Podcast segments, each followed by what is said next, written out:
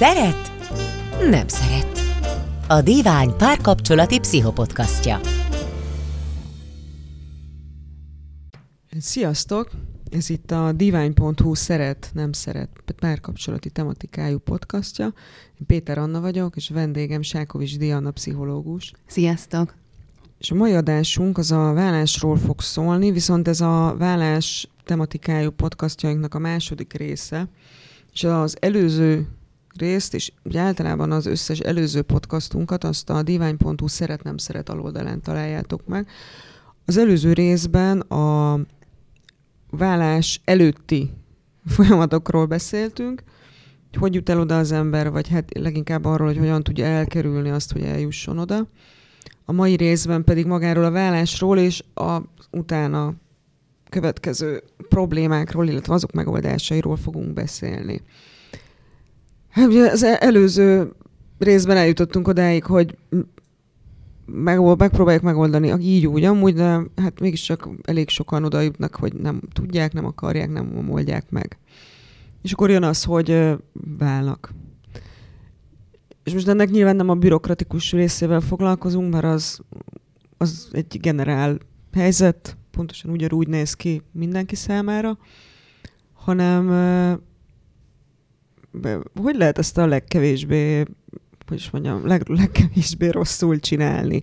Mondjuk szerintem viszonylag egyszerű, mert próbálja meg az ember megőrizni a méltóságát, és hogyha ezt szem előtt tartja, akkor ez, ez talán segíthet. Mit értesz méltóság alatt?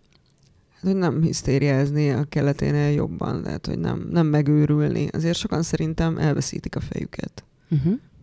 És ö, olyan sérelmek nyilván kibukik egy csomó sérelem, ezekről is beszéltünk azért az előző adásban, hogy sokan akkor válnak, amikor már annyi sérelmet gyűjtögettek össze, ami, ami hát kirobban, és akkor még maguk köré gyűjtenek hergelő személyzetet is, és akkor hát méltatlan helyzetekbe keverik magukat, meg a másikat, amit akár évekkel később visszatekintve még akár maguk is bánnak, még ha talán nem is vallanak be és sokszor akár a kölyköket is úgy rángatják ész nélkül, és hogy tehát őket is belerángatják ebbe a méltatlan helyzetbe, akiknek egyébként aztán végképp semmi közük ehhez az egészhez.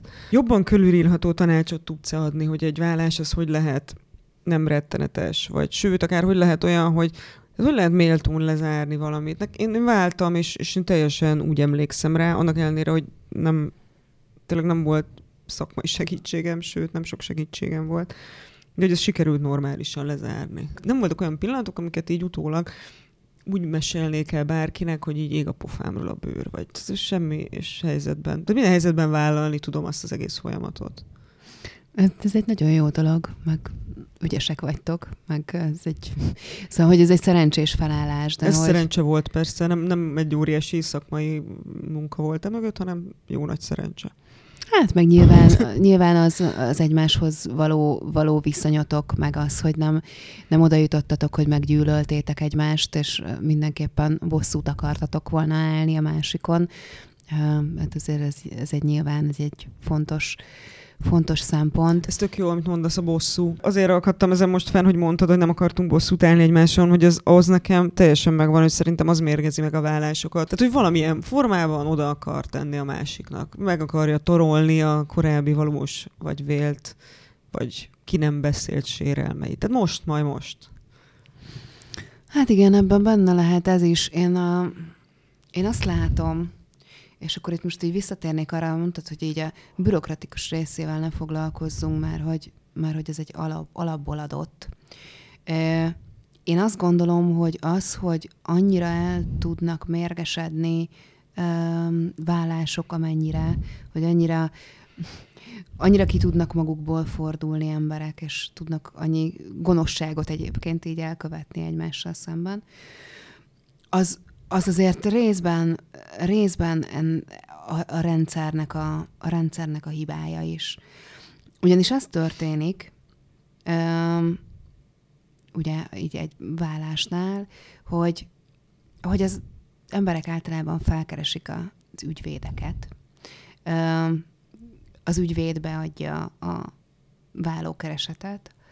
Öm, van ugye egy találkozás a bíróságon, ahol ahol bejelentik azt, hogy ők kívánni szeretnének, ott, ahol van gyerek, ott az, az, az, az bíró ad egy bizonyos időszakot, ez, erre nem emlékszem pontosan, hogy ez most három hónap, vagy kettő, vagy négy, de hogy pár hónapnyi időszakot, hogy gondolják mhm. végig, még egyszer, ezt a dolgot, szülessen egy megállapodás, és, és aztán utána egy második körben vissza tudnak menni.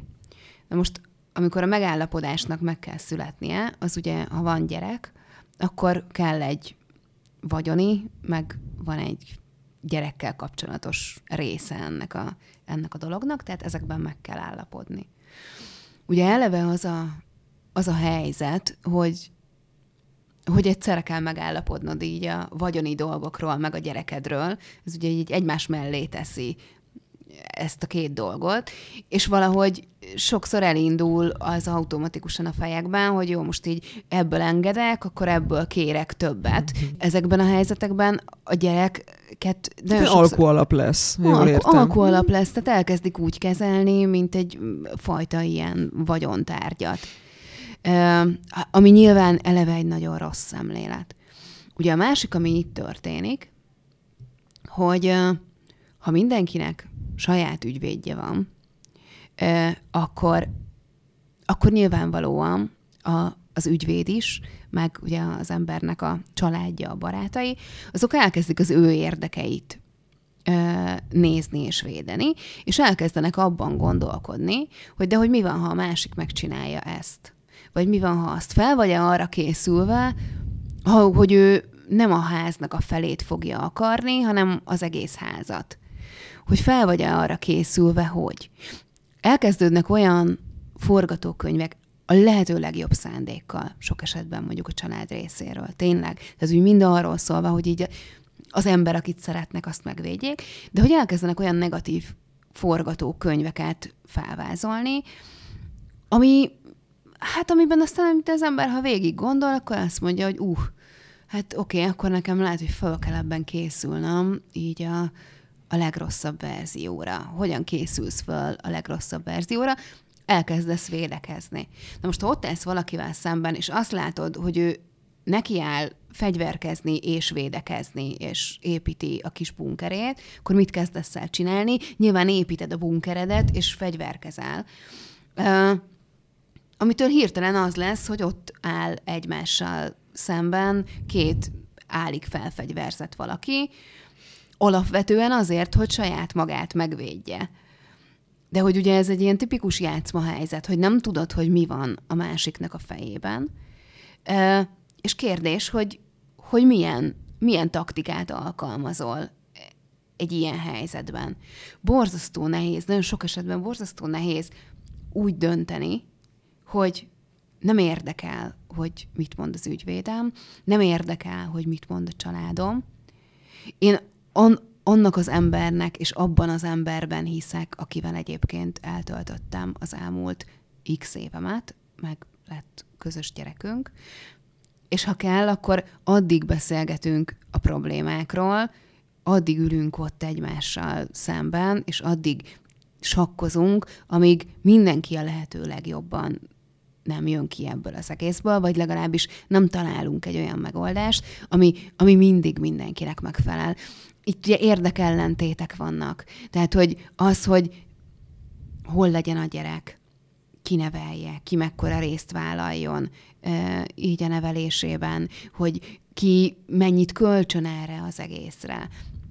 Mi legyen a közösen, közösen megszerzett ugye vagyontárgyakkal, amihez nagyon sokszor ezért lelkileg is kötődünk, tehát a, a közös ház, amit együtt építettünk az autó, a nyaraló, ha van. Tehát, hogy ezek mind olyan dolgok, amikhez, amik nem szimpla tárgyak, hanem nagyon sokszor valami a közös életünkből, valami, amiben így benne van a munkám, meg az ő munkája is. Itt jön elő az ugye nagyon sokszor, hogy de hát te sokkal kevesebb pénzt kerestél. Oké, de én neveltem a gyerekeket közben otthon. és akkor most ezeket rakjuk mérlegre, hogy így, hogy így mi mit ér. Tehát olyan dolgokat, olyan dolgokkal kezdünk el kereskedni, amik igazából nem, nem, nem, nem egymás ellenértékei. Tehát most nem feleltetheted meg a gyereket, vagy a hát gyerek... Dehogy nem. Hát hiszen ez történik. Azt hiszem, hogy olyan nem is rég olvastam, hogy egyszer valaki kiszámította, hogy a házi munka, meg ezek mennyi reál értéken mennyi, hát van annak ára. Csak azt rosszul hangzik, értem, persze. Igen, ez egy rosszul hangzik. A, mondjuk a gyereket én kivenném a képletből, tehát az, az szerintem teljesen hibás, amit, hogy a gyereket berakjuk alkoalapnak. Tehát én azt nem, ezt nem is értem, hogy ez hogy kerül ilyenkor bele. Jó, nyilván most megyek, azt viszont már értem, hogy én miért váltam el ilyen könnyen, mert konkrétan volt egy darab autónk, egy csomó befőttünk, meg nem volt gyerekünk. Tehát az emlékszem, hogy a befőttek, azok ott volt már néhány, ami ilyen sorsolás sorsolás döntöttük el, mert azt hiszem voltak néhány ilyen értékesebb fekete ribizli lekvárok, amik így mind a ketten szívtuk magunkat, elég jó fekete ribizli lekvárt rakok el. És ez, ezek, tehát ez ilyen szintű közös vagyontárgyaink voltak. És mi egyébként a sorsolást, tehát a sorsolást választottuk. Ez egy, ez egy nagyon jó megoldásnak hangzik. Igen, mondjuk valóban így a, a gyerek elhelyezésnél ez azért egy kevésbé, kevésbé jól alkalmazható. Na, de hogy így, még így visszatérve így a, a vállási procedúrához, meg ez a bürokratikus vonalhoz, mert hogy én azt látom, hogy, hogy ezt végigcsinálni még olyan pároknak is nagyon nehéz, akik egyébként egyébként nagyon jól és jóban vannak egymással, és tudnak, tudnak kommunikálni, és együtt kívánnak működni. Szóval, hogy, hogy a, a védekezés az, ahogy védekezésre vagy kényszerítve ezekben a helyzetekben, um, ez iszonyatosan megnehezíti azt, hogy, hogy, hogy szépen és jól lehessen elválni. Ennek ellenére szerencsére sok embernek megy és sikerül. Sok helyzetben viszont, viszont ilyen nagyon súlyosan tudnak elmérgesedni a, a, a kapcsolatok emberek között, ami ugye egy, azért egy borzasztóan nehéz dolog, mert azon kívül, hogy nagyon rossz így elválni valakitől, akivel egyébként éveket töltöttél együtt, ha van közös gyerek, akkor az együttműködés az nem szűnik meg a felek között. Tehát, hogy akkor még lesz közük egymáshoz. Főleg, hogyha mondjuk kicsik a gyerekek, és mind a kettő részt kíván vállalni a gyereknek a felneveléséből, akkor hát akkor az egy, ez egy hosszú távú együttműködést igényel. Hogyan tudsz úgy együttműködni valakivel, hogy annyira elmérgesedett a helyzet, hogy beszélni sem vagytok hajlandóak egymással. Ugye ilyenkor történik az, hogy, hogy a gyerek válik így egyfajta ilyen közvetítő közeggé, tehát a gyereken keresztül üzengetünk egymásnak, meg a gyereknek mondjuk el azt, hogy egyébként így milyen apád, anyád. Hát meg ellene nevelés, meg ilyen apró finomságok. Igen, ami egyébként nagyon sokszor akár még nem is tudatos, hanem, hanem tényleg abból a düböl és frusztrációból ered, amit, amit, így, amit így felszettünk ez alatt az egész folyamat során, és, és hát csak oda csatornázzuk ki, ahova egyébként nem, nem kéne, és nem szabadna a gyereknek. És azért a, a gyerekpszichológusok azt mondják, hogy ez az, amiben a gyerek leginkább tud sérülni. Nem is az, hogy apu és anyu szétköltözött. Nyilván az is minden gyerek számára egy, egy megterhelő dolog. De hogy minél inkább azt látja a gyerek, hogy képesek a szülők értelmesen, szépen kommunikálni egymással, hogy tudnak együttműködni, hogy mind a ketten szeretik, hogy megvan a tisztelet egymás iránt, akkor sokkal könnyebben épül fel ö, ezekből a helyzetekből, és, és igazából sokkal jobb gyerekkora tud lenni a végén, ö, mondjuk összehasonlítva azzal, hogy egy iszonyatosan rossz házasságban élő de együtt élő szülők gyerekeként nő föl. Tehát, hogy, hogy a gyerek számára a lehető legrosszabb, amit, amit csinálhatunk, az az, hogyha, hogyha ha bántjuk egymást, hogyha hagyjuk egy elmérgesedni a, a vállási, a vállási folyamatot. Miközben ez egy iszonyatosan nehéz és megterhelő feladat. Nem csak azért, amit most ugye eddig elmondtam, tehát, hogy nem csak arról van itt szó, hogy, hogy, hogy ez, a, ez a helyzet már önmagában hordozza azt, hogy harcolni kelljen, és nehéz legyen. Nagyon sok olyan lelki folyamat zajlik bennünk ilyenkor.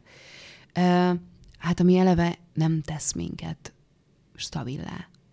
Mit lehet tenni? Mert ugye említettem ezt a próbálja az ember megőrizni a méltóságát, és az hát, ha ad egy olyan vezérfonalat, ami minden helyzetben segít, hogy nem viselkedjünk úgy, hogy azt később megbánjuk, vagy egyszerűen ne legyen méltatlan, ne váljon méltatlan ez az egész. Ez meg tudod valahogy úgy esetleg fogalmazni, hogy ez hogy mondjam, ennél közérthetőbb, meg egyértelműbb legyen? Van bármi segítség ilyen helyzetekben?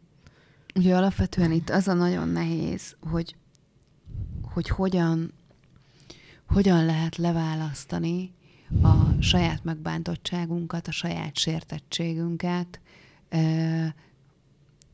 a, arról a folyamatról, amiben a jövőnkről és a gyerek jövőjéről döntünk.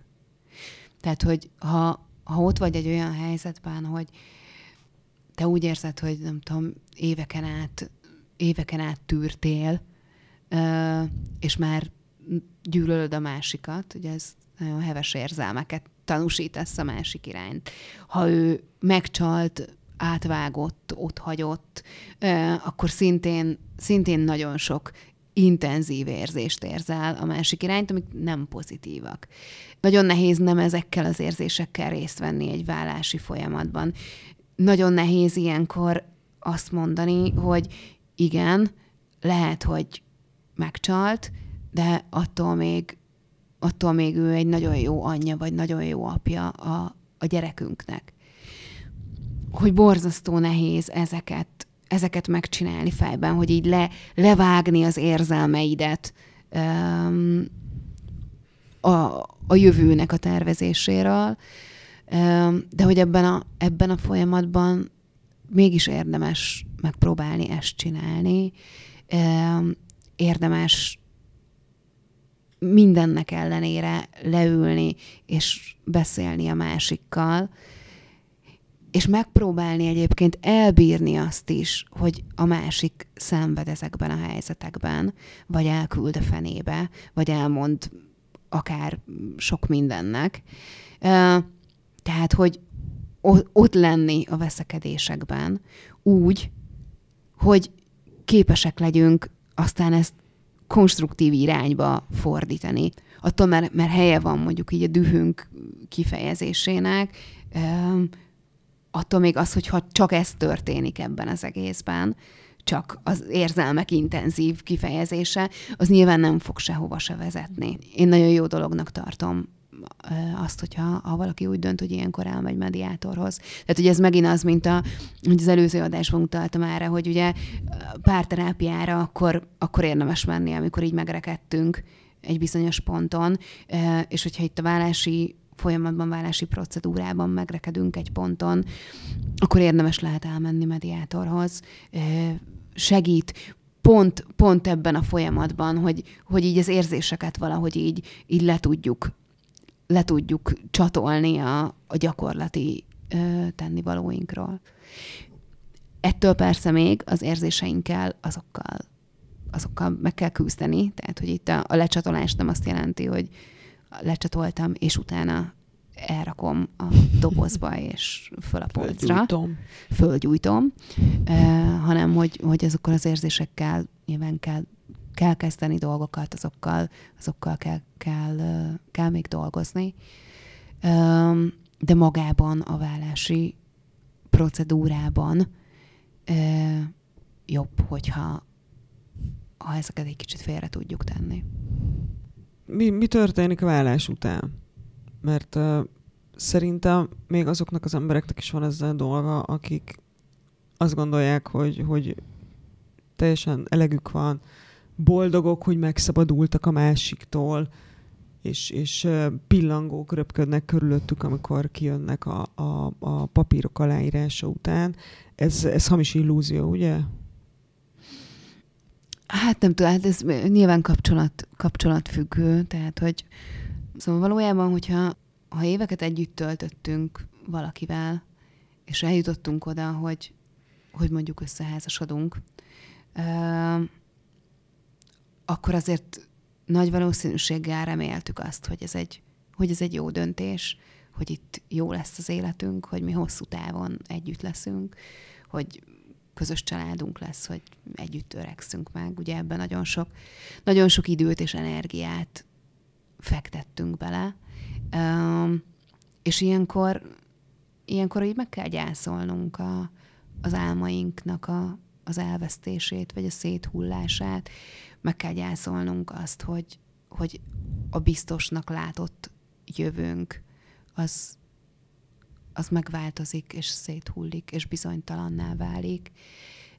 És meg kell gyászolnunk magát a kapcsolatot is.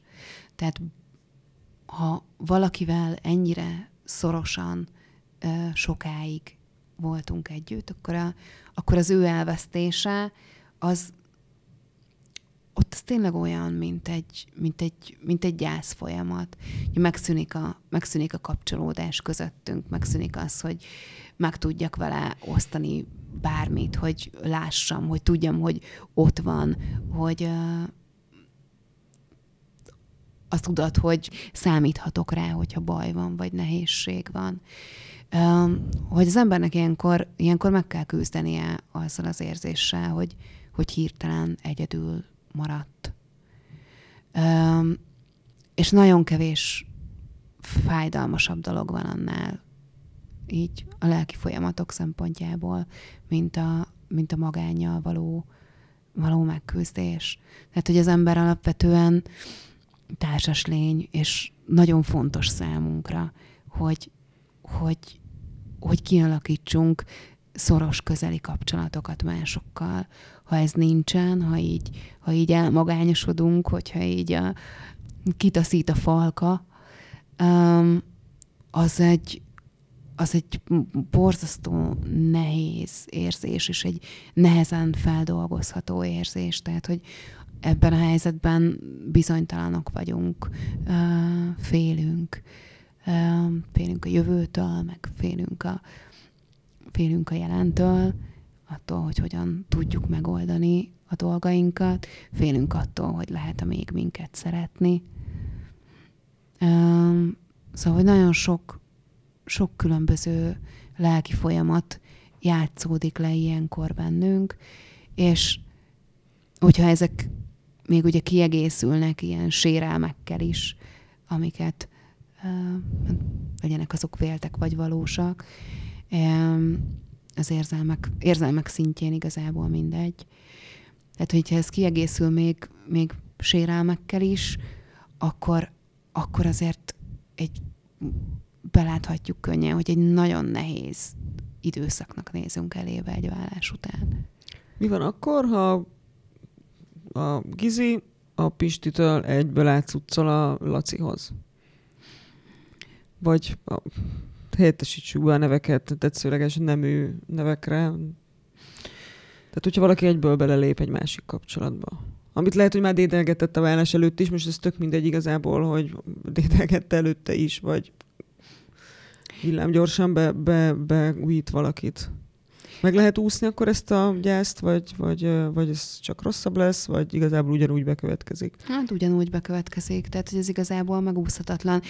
Az van, hogy itt ilyen helyzetekben mondjuk fizikailag akkor nem vagyunk egyedül, meg ugye akkor így a másik sok szempontból feltölt, de hogy, de hogy azokkal a gondolatainkkal pedig abszolút egyedül maradunk, ami mondjuk még így az előző kapcsolatunkról szól azokkal az érzéseinkkel, ami, ami a másikról, az előző kapcsolatunkról szól, azokkal, azokkal egyedül, egyedül maradunk, vagy ha nem vagyunk vele egyedül, hanem ezt megosztjuk az új partnerrel, akkor meg azért akkor meg azért így jelentősen terheljük ezzel a, a párkapcsolatunkat.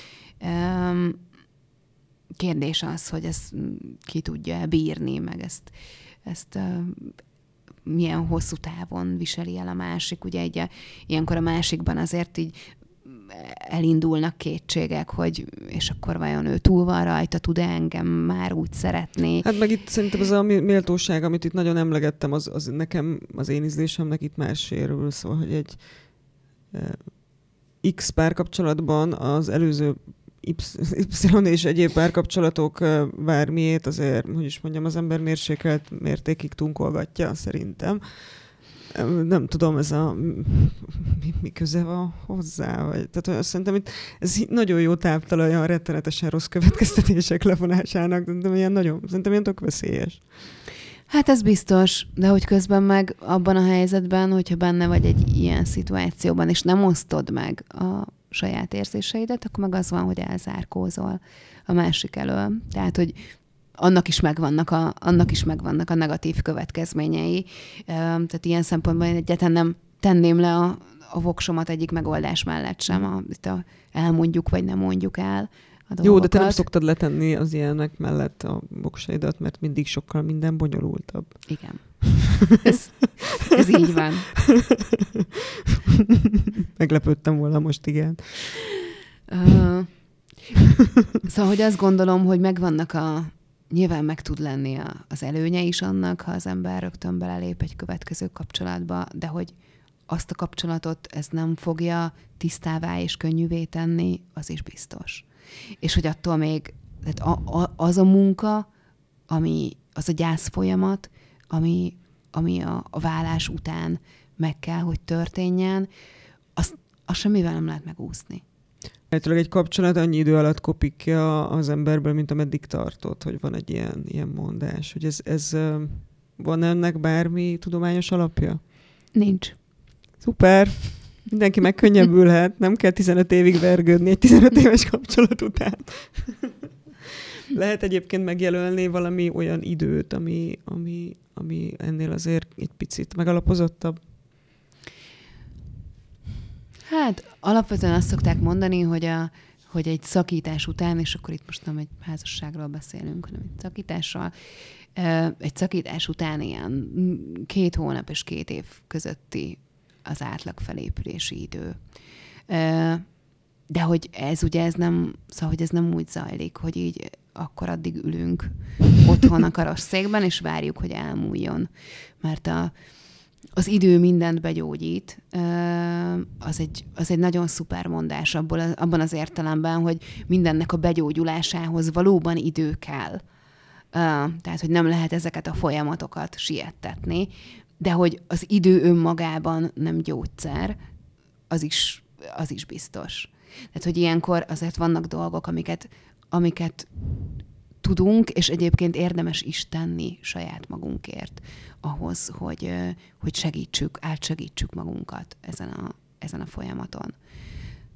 Mi a, mi a teendő ebben a folyamatban? Tehát hogy, hogy, hogy néz ki az, hogy jó, elváltunk, szarul vagyunk.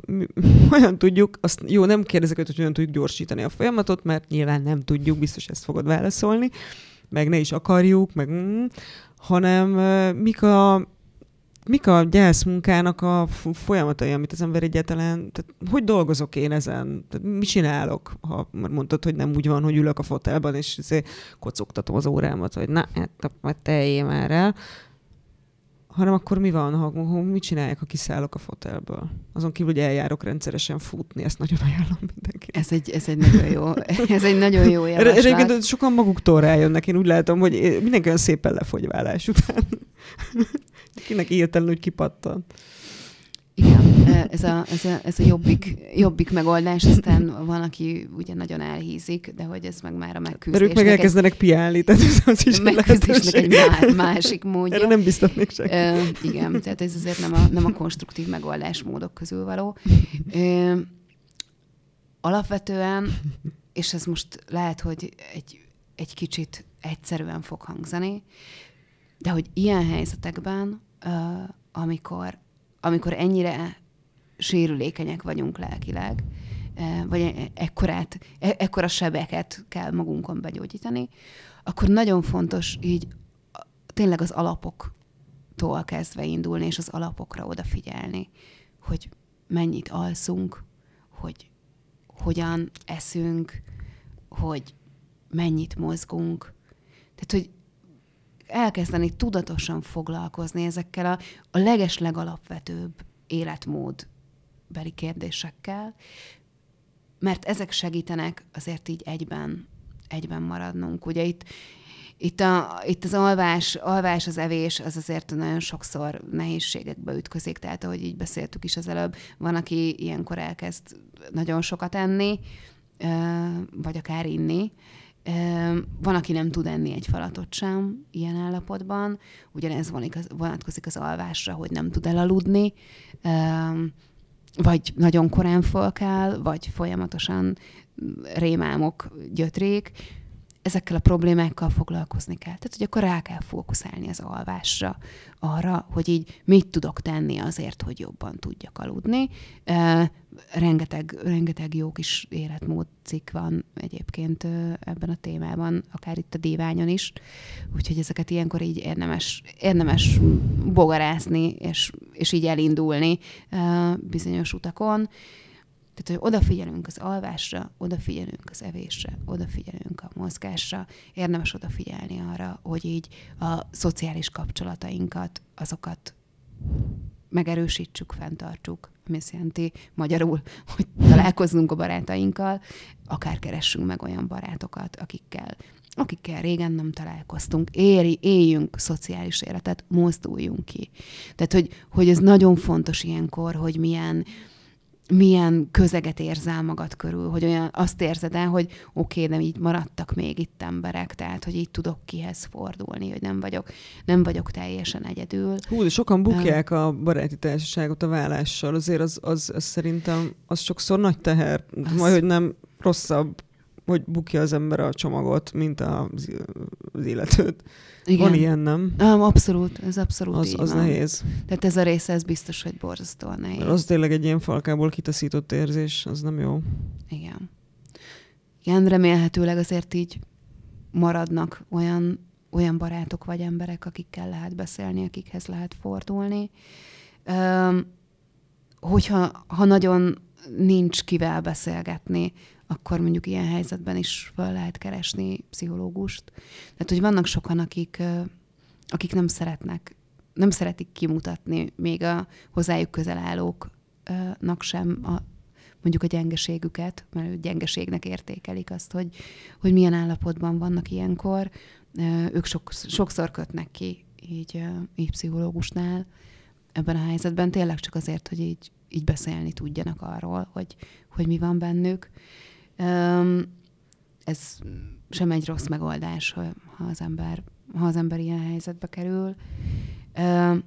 Amit, amit érdemes csinálni, ez végig gondolni, hogy, hogy milyen, milyen dolgokat szerettünk mi csinálni, még mielőtt össze, összejöttünk volna a, a volt partnerünkkel, hogy mi az, amiben jól tudtuk magunkat érezni, amit így szerettünk, az eseteknek egy nagy részében ezeknek a tevékenységeknek, aktivitásoknak egy, egy részéről, hát így lemondtunk a házasságban, vagy kikoptak, vagy csak nem volt rá időnk, mert akkor a másikkal voltunk inkább. De hogy ezeket így vissza lehet hozni. Hogy ez segít, ez segít visszatalálni magunkhoz, meg megtalálni, megtalálni a választ arra, hogy így, és akkor mi most így milyenek is vagyunk, vagy milyen életet is szeretnénk, mert azért gyakran ez egy, ez egy ilyen típusú válság is, ami ennek mentén kialakul, hogy oké, okay, nem úgy alakult az életem, mint ahogy terveztem, akkor most mi legyen? Akkor most hogyan alakuljon? Mit is akarok? Ez nyilván egy, azért egy egyel későbbi fázis, tehát hogy amikor még ott tartunk, hogy nem tudunk aludni, akkor nehezebb kitalálni ezt, hogy így mit akarunk a jövőnktől. Tehát, hogy amíg, amíg ezek az alapvető funkcióink helyre nem állnak, addig, addig azokra érdemes fókuszálni, és a társas kapcsolatainkra.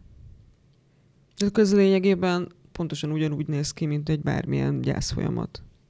Igen.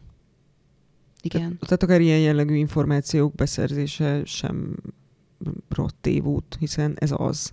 Sok szempontból ez történik, és például Eszter Perel, aki egy amerikai, amerikai pszichológus, és én, én nagyon kedvelem a, a munkásságát, ő azt is javasolja, hogy ugyanúgy, ahogy ahogy egy, egy halottnak a, egy halottól való elbúcsúzáshoz szükség van a rétusokra. Ugyanúgy egy, egy házasság befejezésénél is bevezethetünk rétusokat, búcsúzást. Ő például azt szokta csinálni a, a, a hozzáforduló kliensekkel, hogy, hogy irat velük egy levelet arról, hogy, hogy egyébként milyen volt egy kapcsolat, egy búcsú levelet, amit aztán, amit aztán felolvasnak egymásnak. És ezzel, ezzel lezárják a kapcsolatot. De nyilván, hogyha erre nincsen lehetőség, akkor is ki lehet találni különböző, különböző rítusokat, amikkel, amikkel, amikkel lezárjuk az életünknek azt a szakaszát, és, és elkezdünk egy, egy újat. Nyilván az, hogyha elvégzünk egy rítust, az így önmagában nem fogja elvinni a, elvinni a fájdalmat. De hogy nagyon sokat tud segíteni a, a tovább lépésben. És amit még itt érdemes elmondani a gyász folyamat kapcsán, hogy a gyász folyamat is egy, egy folyamat. Tehát, hogy, hogy, hogy különböző ö, szintjei, um, különböző fázisai vannak. És ugyanígy a, a, a vállásból való felépülésnek is különböző fázisai vannak. Tehát időről időre itt Mik a, ezek? A vállással járó gyász folyamat, az tulajdonképpen így akkor kezdődik, amikor így Hát amikor így megtörténik maga a szakítás, ugye, amiről még így az előző, előző műsorunkban beszéltünk, így általában a, az embernek az első az első időszakban így nem hiszi el, hogy ez, ez, ez történik, tehát van egy sok, először is, és aztán utána van egy, egyfajta tagadás ebben az egészben, hogy nem, nem ez így, ez nem lehet. Aztán utána nyilván, amikor már így intézni kell az ezzel kapcsolatos teendőket, akkor ez egy ilyen kontrolláltabb időszak, ugye megvannak a feladataid ezzel az egésszel kapcsolatban. El kell költözni, meg új lakást kell találni, meg el kell indítani magát, ezt az egész vállási procedúrát, stb. Úgy mindenképpen van, van egy, egy olyan szakasza ennek az egésznek, amikor, amikor borzasztó dühös vagy magadra, meg a másikra, meg a, a világra, meg hogy, hogy ez az egész így egyáltalán történik. Ez a nagyon dühös szakasz, ez át tud, át tud fordulni ilyen depresszióhoz közeli állapotba is.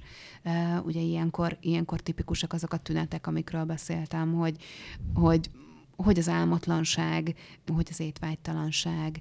Ilyenkor ugye ezekre, ezekre érdemes fókuszálni, és akkor itt, itt van az, amikor a tudatos öngondoskodásnak nagyon nagy, nagyon nagy szerepe van, hogy tényleg, tényleg ki tudjuk magunkat húzni ebből az időszakból.